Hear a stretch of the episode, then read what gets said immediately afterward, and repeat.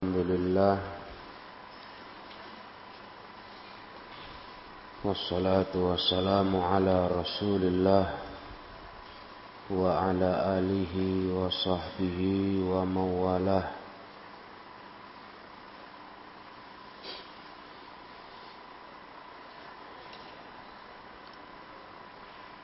Kita melanjutkan pelajaran kitab Aslus Sunnah wa Atiqaduddin setelah poin pertama tentang iman. Iman itu ucapan dan amalan bertambah dan berkurang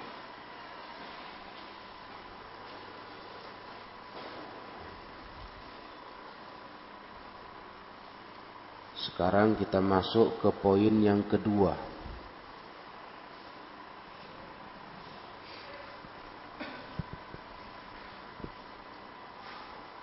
Qala al-Imam Ibnu Abi Hatim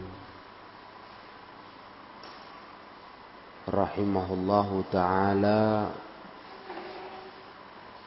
wal Qur'anu kalamullahi ghairu makhluq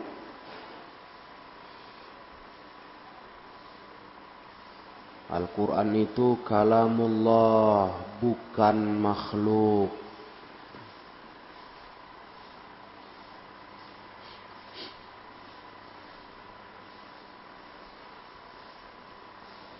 Al-Quran kalamullah bukan makhluk bijami'i jihatih. Dari segala sisinya.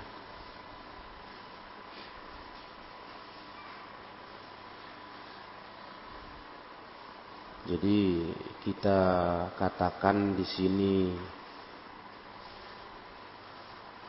yang berkata Imam Ibnu Abi Hatim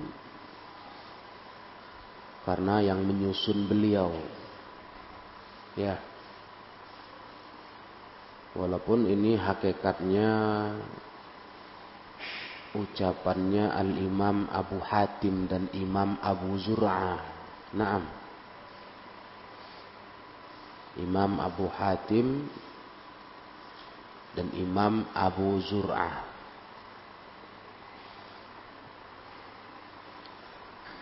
Tapi yang menyusunnya Al-Imam Ibnu Abi Hatim. Nah. Dan ini adalah merupakan mazhabnya seluruh ulama di semua negeri yang sudah kita baca. Hijaz, Irak, Mesir, Syam, dan Yaman. Semua negeri Islam. Inilah mazhab para ulama'nya.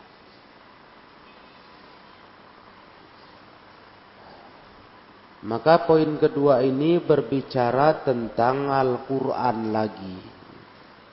Yang sudah kita pun baca di kitab Usul Sunnah Imam Ahmad.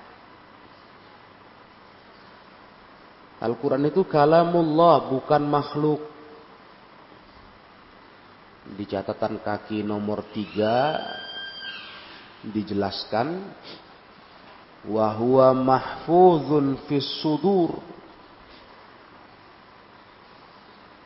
Yang dimaksud dari segala sisi Quran itu kalamullah bukan makhluk.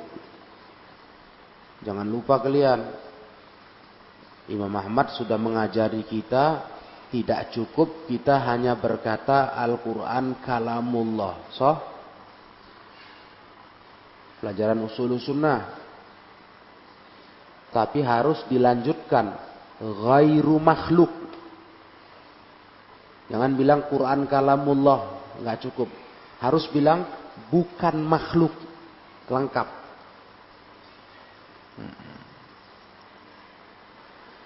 Nah, Dari segala sisi itu maksudnya wahwa mahfuzun fis sudur. Apakah yang dihafal di dada? Dihafal. Yaitu kalamullah. Matluwan bil alsun. Yang dibaca di lisan. Kalamullah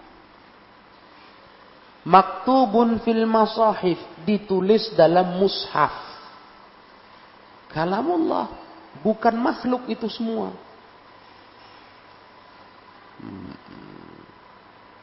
teringat kita lagi Imam Ahmad bilang masalah lafzi bil Quran makhluk ya kan di antara pendapatnya ahlul bidah mereka bilang apa lafadku membaca Quran makhluk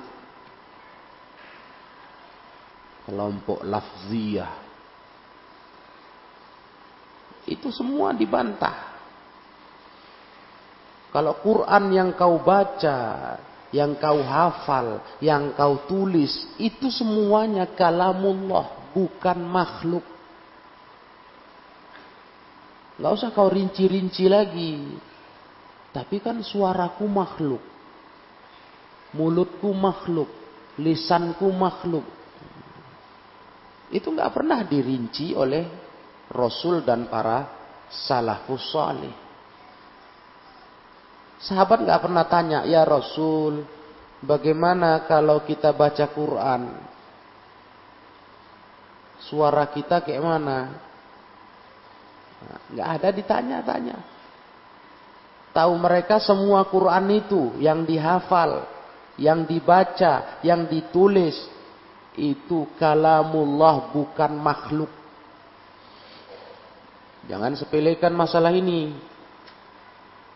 Sekarang ya orang udah nggak peduli masyarakat nih sama ilmu akidah ini. Jadi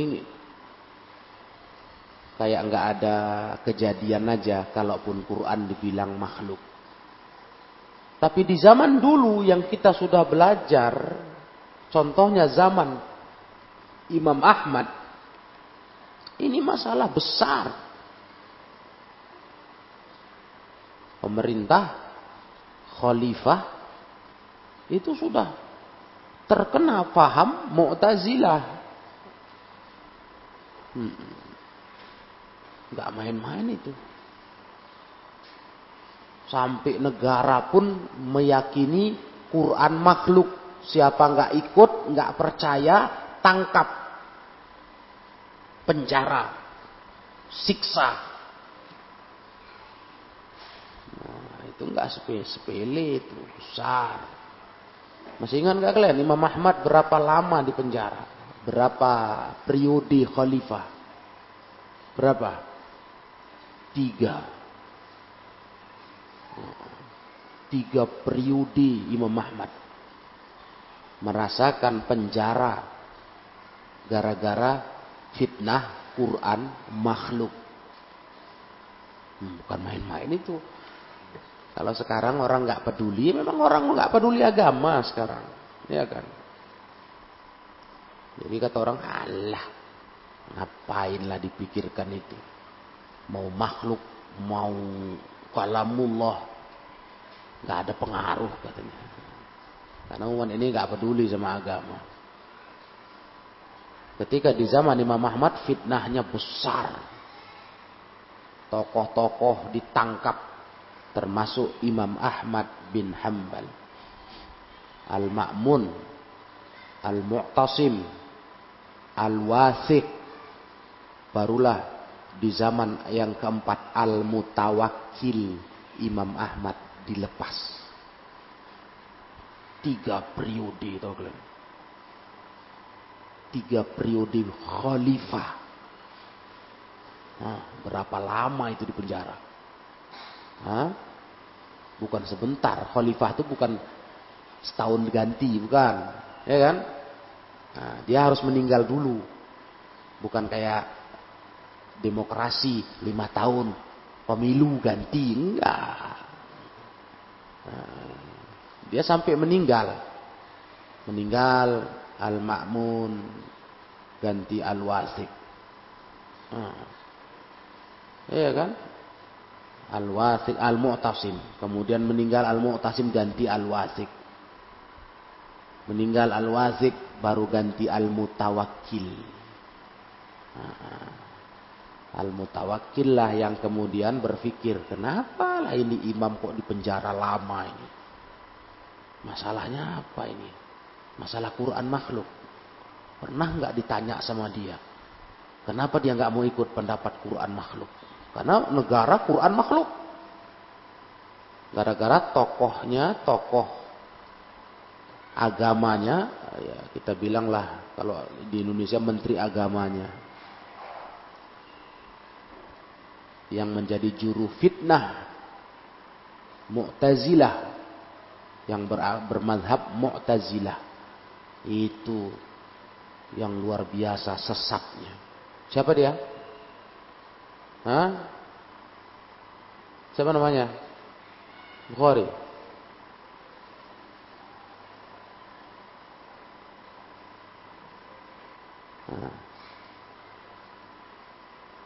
Siapa namanya? Allahul musta'an. Cepat betul kalian lupa. Hmm. Hah? Cepat betul lupa sama ilmu. Hmm. Itulah penyakit ilmu kalau di, di kita. Penyakitnya kita ini lupa. Sama ilmu itu lupanya cepat. Iya kan? Nah, kelas 6, kelas 5. Siapa namanya? Hah? Siapa nama tokoh Mu'tazilah yang menjadi tokoh agama di masa pemerintahan khalifah-khalifah tersebut? Nah, Ahmad bin Abi Du'ad. Namanya Ahmad bin Abi Du'ad. Nah, di zaman mutawakil barulah mutawakil mempertemukan Imam Ahmad dan si Ahmad Nah, gitu. Ya. Namanya sama-sama Ahmad. Tapi yang satu Imam Ahmad. Imam yang mulia, imam ahli sunnah, yang satu si Ahmad. Harus dilecehkan nih orang-orang hina nih, sampah nih. Mu'tazili. Si Ahmad aja sudah. Tapi jangan yang diingat, nanti siapa? Si Ahmad katanya. Ayah kali. Kok cerita ilmu cepat kali lupa ya. Coba cerita film. Siapa kawan SpongeBob? Ingat itu. Apa? Ayah kalian. Makanya kalau ngomongin nggak nggak berjamin lah. Tamat mondok. Iya. Belum jaminan lah. Tamatnya aja yang ada. Hmm. Ilmunya nggak jamin. Iya. Makanya dalam belajar nih yang penting itu ilmunya, bukan status tamat kalian atau belajar luar negeri. Ilmumu. Hmm? Iya, ngapain status? Alumni, alumnus. Iya, tapi kosong blong. Tak, tak ngerti apa-apa. Atau lebih banyak nggak tahu dari tahu. Paham semua?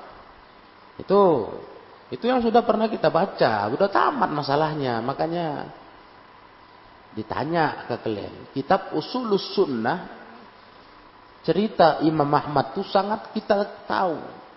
Karena fitnahnya besar.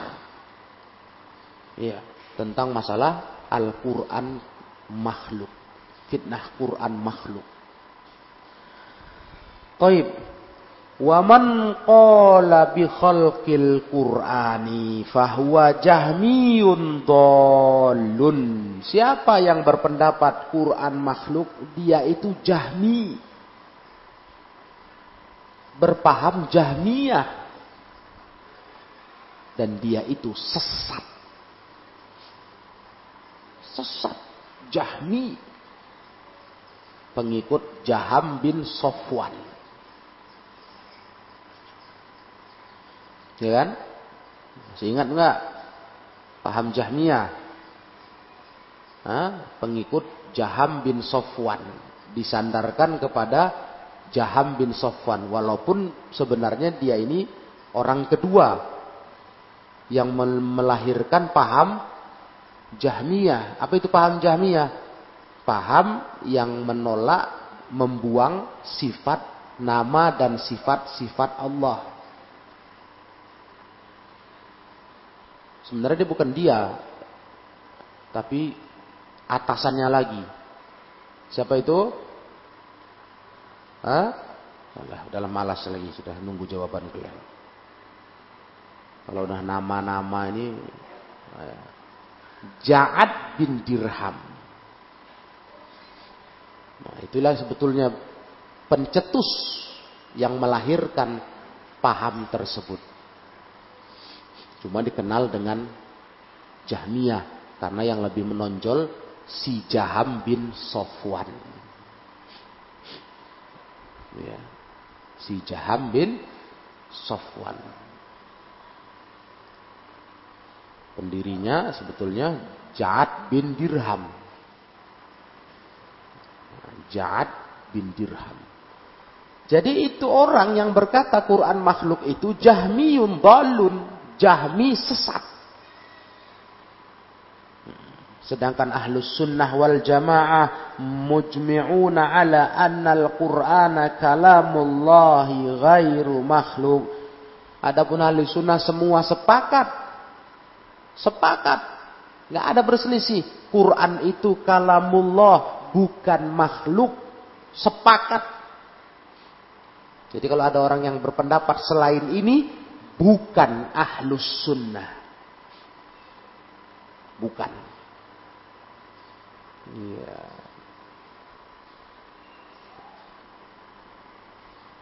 Siapa yang nggak tegas kayak gini, Quran kalamullah gairu makhluk, bukan ahlus sunnah.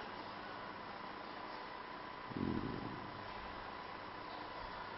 Yang selain ini siapa? Ya tadi Jahmiyah, Mu'tazilah, Ash'ariyah. Cuman Ash'ariyah tuh cakapnya lain. Apa kata mereka? Quran itu jangan dibilang kalamullah, tapi ibaratun an kalamillah. Ibaratun ungkapan dari kalamullah. Nah, ini Ash'ariyah. Ya sama. Bukan ahlu sunnah Ash'ariyah ya. Kok sekarang dibilang pula ahlus sunnah asyariah itu? Apa itu? Jangan bodoh-bodohi umat Islam. Hah? Iya sekarang ya. Ngoceh-ngoceh di video-video yang disebar ke masyarakat. Ceramah-ceramah. Asyariah itulah ahlus sunnah katanya. Aduh, nanti dibilang kau bodoh, tak berilmu, marah, merasa berilmu karena sekolah. Nah, mbak, merasa berilmu karena sekolah, bergelar, tamatan luar negeri, hmm, tamatan dari Saudi Arabia, Riyadh, ya kan? Tapi Quran itu masalah Quran saja pahamnya Ash'ari. Terus dibilangnya Ash'ari ahlu sunnah. Loh. Ahlu sunnah dari mana? Ya. Ash'ari itu kelompok sesat. Kelompok sesat. Minal firokid dolah. Termasuk kelompok sesat. Nah, makanya lihat kitab-kitab kelompok-kelompok sesat. Misalnya kitab Al-Milal wan Nihal Itu kitab ulama lama, Al-Milal wan Nihal. Di situ masuk di antara kelompok-kelompok sesat itu Asy'ariyah. Itu kitab lama. Kalau kitab ulama sekarang payahlah kita bilang, nanti dibilang ah, itu kelompok ulama Wahabi. Nah, seperti kitabnya Syekh Saleh bin Fauzan Al-Fauzan. Lamhatun anil firaqid dolah. Sekilas pandang tentang kelompok sesat. Kalau kalian pakai itu nanti dituduhnya, yalah itu kelompok Wahabi katanya. Ulama Wahabi Syekh Soleh Fauzan. Enaknya aja ngomong gitu ya. Syekh Soleh Fauzan itu ulama resmi, ulama besar, kibarul ulama Saudi Arabia. Itu ulama negara. Bukan ulama sembarangan itu. Kalau cerita dunianya lah, gaya-gayaan istilahnya tahu kan? Kan orang sering itu, oh, dia ulama hebat, diakui negara. Oh, apa? Majelis ulama kalau Indonesia. Itu Syekh Soleh Fauzan tuh kalau dari sisi dunia pejabat itu. Pejabat negara, bukan ulama sembrono, ulama kampung, kecamatan tuh kalian. Hah? Bukan. Itu pejabat negara yang diakui keilmuannya secara negara maupun secara agama. Itu doktor Saleh bin Fauzan Al Fauzan dan itu orang tua. Iya. Udah 80 tahun lebih umurnya itu. Bukan main-main itu. Dan ilmunya betul diakui. Nah, kan sembarangan itu. Ya kan? Kalau cerita gaya-gayaan sebagai orang ternar, orang hebat, ya itu orang hebat itu. Pejabat negara itu, resmi. Jadi bukan ulama wahabi. Nah, beliau punya kitab namanya Lamhatun Anil Firaqid Tola. Sudah pernah dipelajari. Tamat di kelas-kelas yang lama. Abangan kelas kalian. Senior kalian sekilas pandang tentang kelompok sesat. Asy'ariyah sesat. Dari mana pula ahlus sunnah, ya kan? Jangan bodoh kita. Ya, itu ngoceh-ngoceh berapi-api di video. Bilangnya Asy'ariyah itu ahlus sunnah. Yang bukan Asy'ariyah bukan ahlus sunnah. La ilaha illallah. Melawak deh itu. Iya. Kalau kau cakap tadi sama orang bodoh, mungkinlah iya ya, iya ya. Tertipu dengan gelarmu, sekolahmu, dengan keterkenalanmu. Tapi kalau kau bicara di depan talibul ilm, tulabul ilm ahli sunnah, ya kau diketawai. Kok bodoh kali kau ustaz. Asy'ariyah itu bukan ahlus sunnah. Hah? Ahlu sunnah itu paham Imam Ahmad. Contohnya itu ahlu sunnah. Ya, Asy'ariyah itu kelompok sesat yang mana pendirinya Abul Hasan Al Asy'ari sudah tobat sebelum wafat. Tobat ke ahlus sunnah itu betul. Tobat ke ahlus sunnah. Nah, sedangkan paham yang dia dirikan, yang dia bentuk, yang dia buat itu faham sesat. Faham yang membatasi sifat Allah hanya 20. Ya kan? Nah, sifat 20 itu pemahaman sesat itu. Ngawur itu. Allah bilang sifatnya banyak kok kamu bilang 20. Ngawur kau. Hei Ash'ari. Sifat 20. Pengajian sifat 20. Enak aja. Allah punya sifat banyak kok di Quran itu. Nabi bilang Allah punya sifat banyak di hadis, kau bilang 20. Kan kurang ajar itu. Hah? Enak betul dia cakap. Itu masalah Allah ini, bicara Allah ini. Bicara pencipta. Kok asal ngomong, kamu bicara kawan aja, pasti dia tersinggung. Masalahnya sepele aja misalnya. Nah, jari kita berapa? Berapa jumlahnya?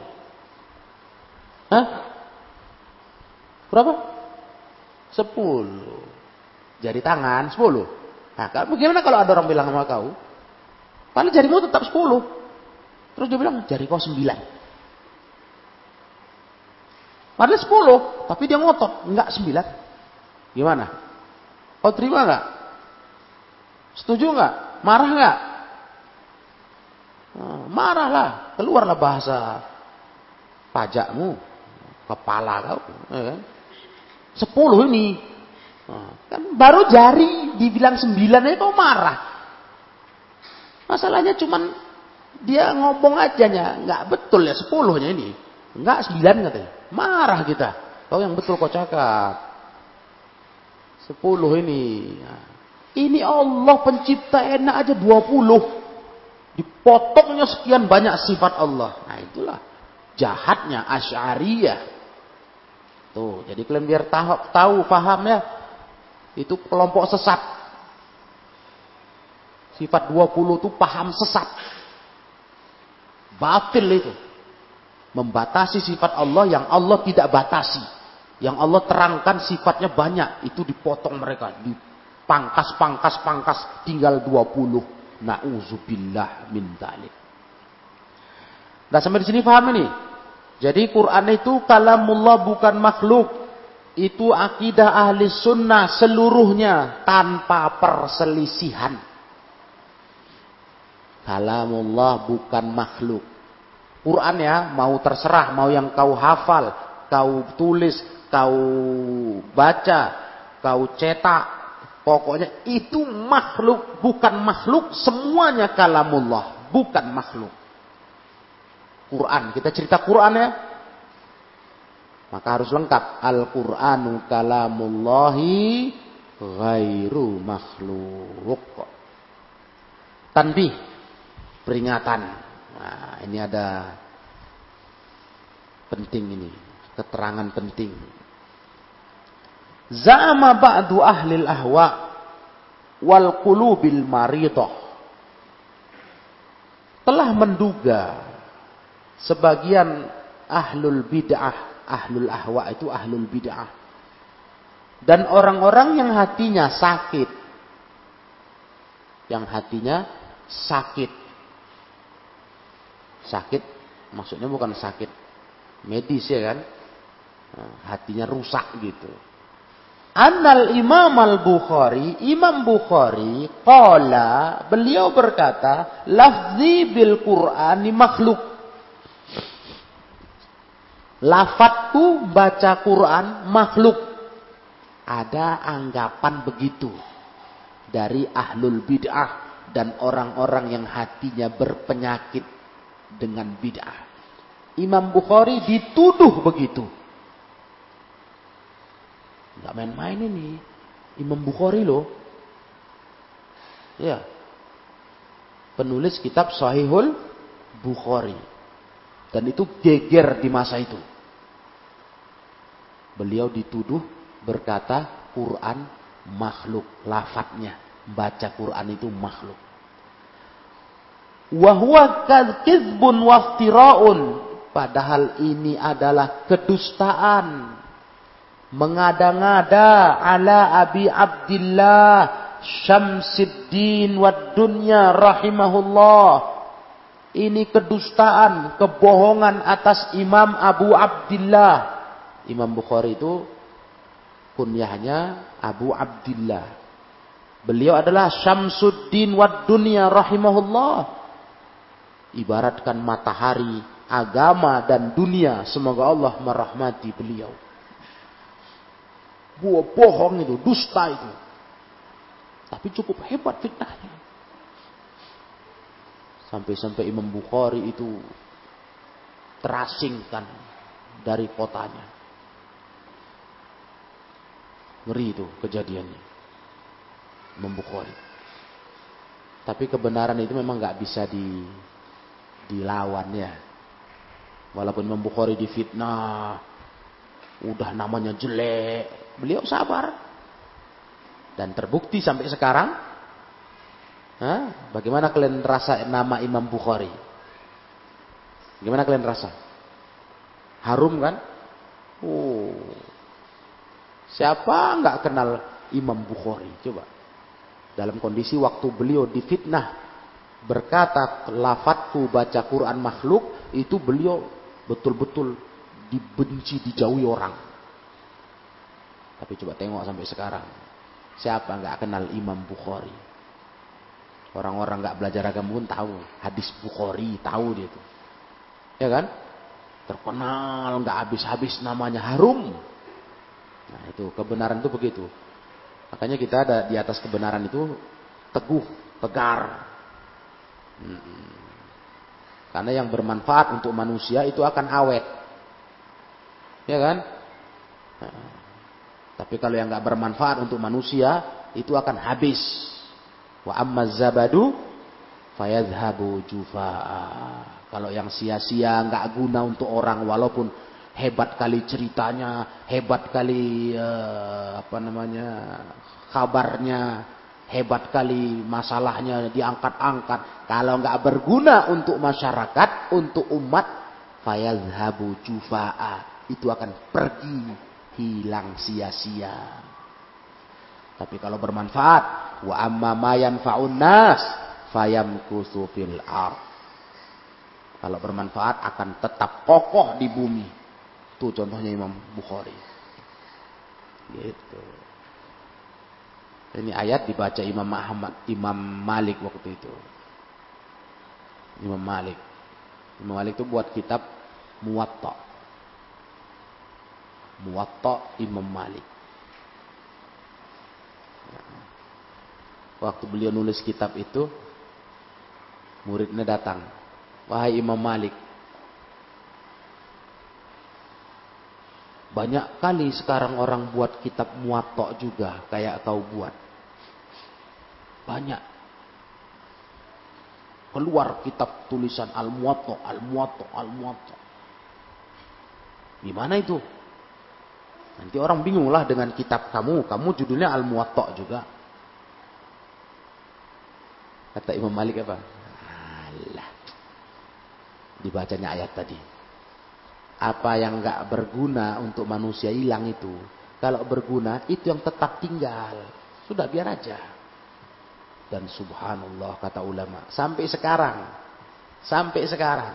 Orang nggak kenal kitab Al-Muwatta kecuali tulisan Imam Malik. Lain nggak kenal orang. Berarti yang dulu dibuat untuk nyaingi kitab Imam Malik hilang. Ditelan zaman. Paham tuh? Hah? Lenyap. Tak kenal orang lagi. Orang hanya kenal kitab Al-Muwatta sampai sekarang. Kalau ditanya kepada penuntut ilmu, Al-Muwatta tulisan siapa? Imam Malik. Mana ada lagi yang lain? Dulu banyak dibuat penulis-penulis buat Al-Muwatta, Al-Muwatta. Tenggelam semua. Karena yang bermanfaat tuh di bumi ini tetap kokoh. Nah itu. Jadi Imam Bukhari contohnya difitnah sebagai orang yang berkata lafzi bil Quran makhluk, nggak peduli. Beliau nggak pernah ngomong gitu, difitnah, dituduh, diserang, dihujat. Tapi lihatlah sekarang, sampai sekarang siapa yang nggak kenal Imam Bukhari, siapa yang nggak mengakui riwayat-riwayat Imam Bukhari, sampai sampai kitab Sahihul Bukhari itu adalah kitab yang paling sahih kedua setelah Al-Quranul Karim. Setelah Quran, kitab paling benar Sahih Bukhari, tahu kalian? Itu. Jadi wa inna hiya min kalamil abdadi wal hasadi. Ini cakap para musuh-musuh orang pendengki. Fitnah Imam Bukhari. Qala Muhammad bin Nasr berkata Muhammad bin Nasr, Sami itu Muhammad bin Ismail al-Bukhari yakul. Aku mendengar langsung Imam Muhammad bin Ismail al-Bukhari. Beliau berkata, Man za'ama, siapa menduga, Anni kultu lafzi bil Qur'ani makhluk. Aku berkata, lafadku baca Quran makhluk. Fahuwa kadzabun. Orang yang nuduh aku begitu pendusta. Nggak ada aku ngomong gitu. Apalagi yang ngomong udah membantah yang dituduh. Ya gitulah Islam. Hmm. Yang dituduh udah membantah. Ya diterima. Apalagi. Dia berdusta kata Imam Bukhari. Wa fa inni lam aqulhu. Aku tidak pernah ngomong itu. Lam aqulhu. Nggak pernah aku ngomong itu. Masya Allah. Fakol fakultu lahu. Katanya uh, Muhammad bin Nasr. Ya Aba Abdullah, qad khadan nasu fi hadha wa aktharu fi. Ya Abu Abdullah, sungguh manusia sudah mendalam-dalam dalam urusan ini. Khadan nas. Dan mereka aktharu fi, banyak cakap sudah. Artinya sudah tersebar kau dituduh begitu. Memang luar biasa fitnahnya waktu itu. Wis, Masya Allah. Luar biasa. Ya, karena Imam Bukhari orang besar ya kan? Kalau orang kecil kayak, kayak kita, nggak heboh orang. Ini tokoh besar. Jadi geger lah kata kita bahasanya, geger. Khodon nas aktarufi. Orang dah gosip-gosip dari mana-mana. Imam Bukhari bilang lafadznya baca Quran makhluk.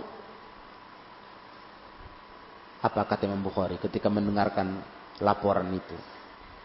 Nah, kata beliau apa? Faqala laisa illa ma aqul. Selesai. Enggak ada itu.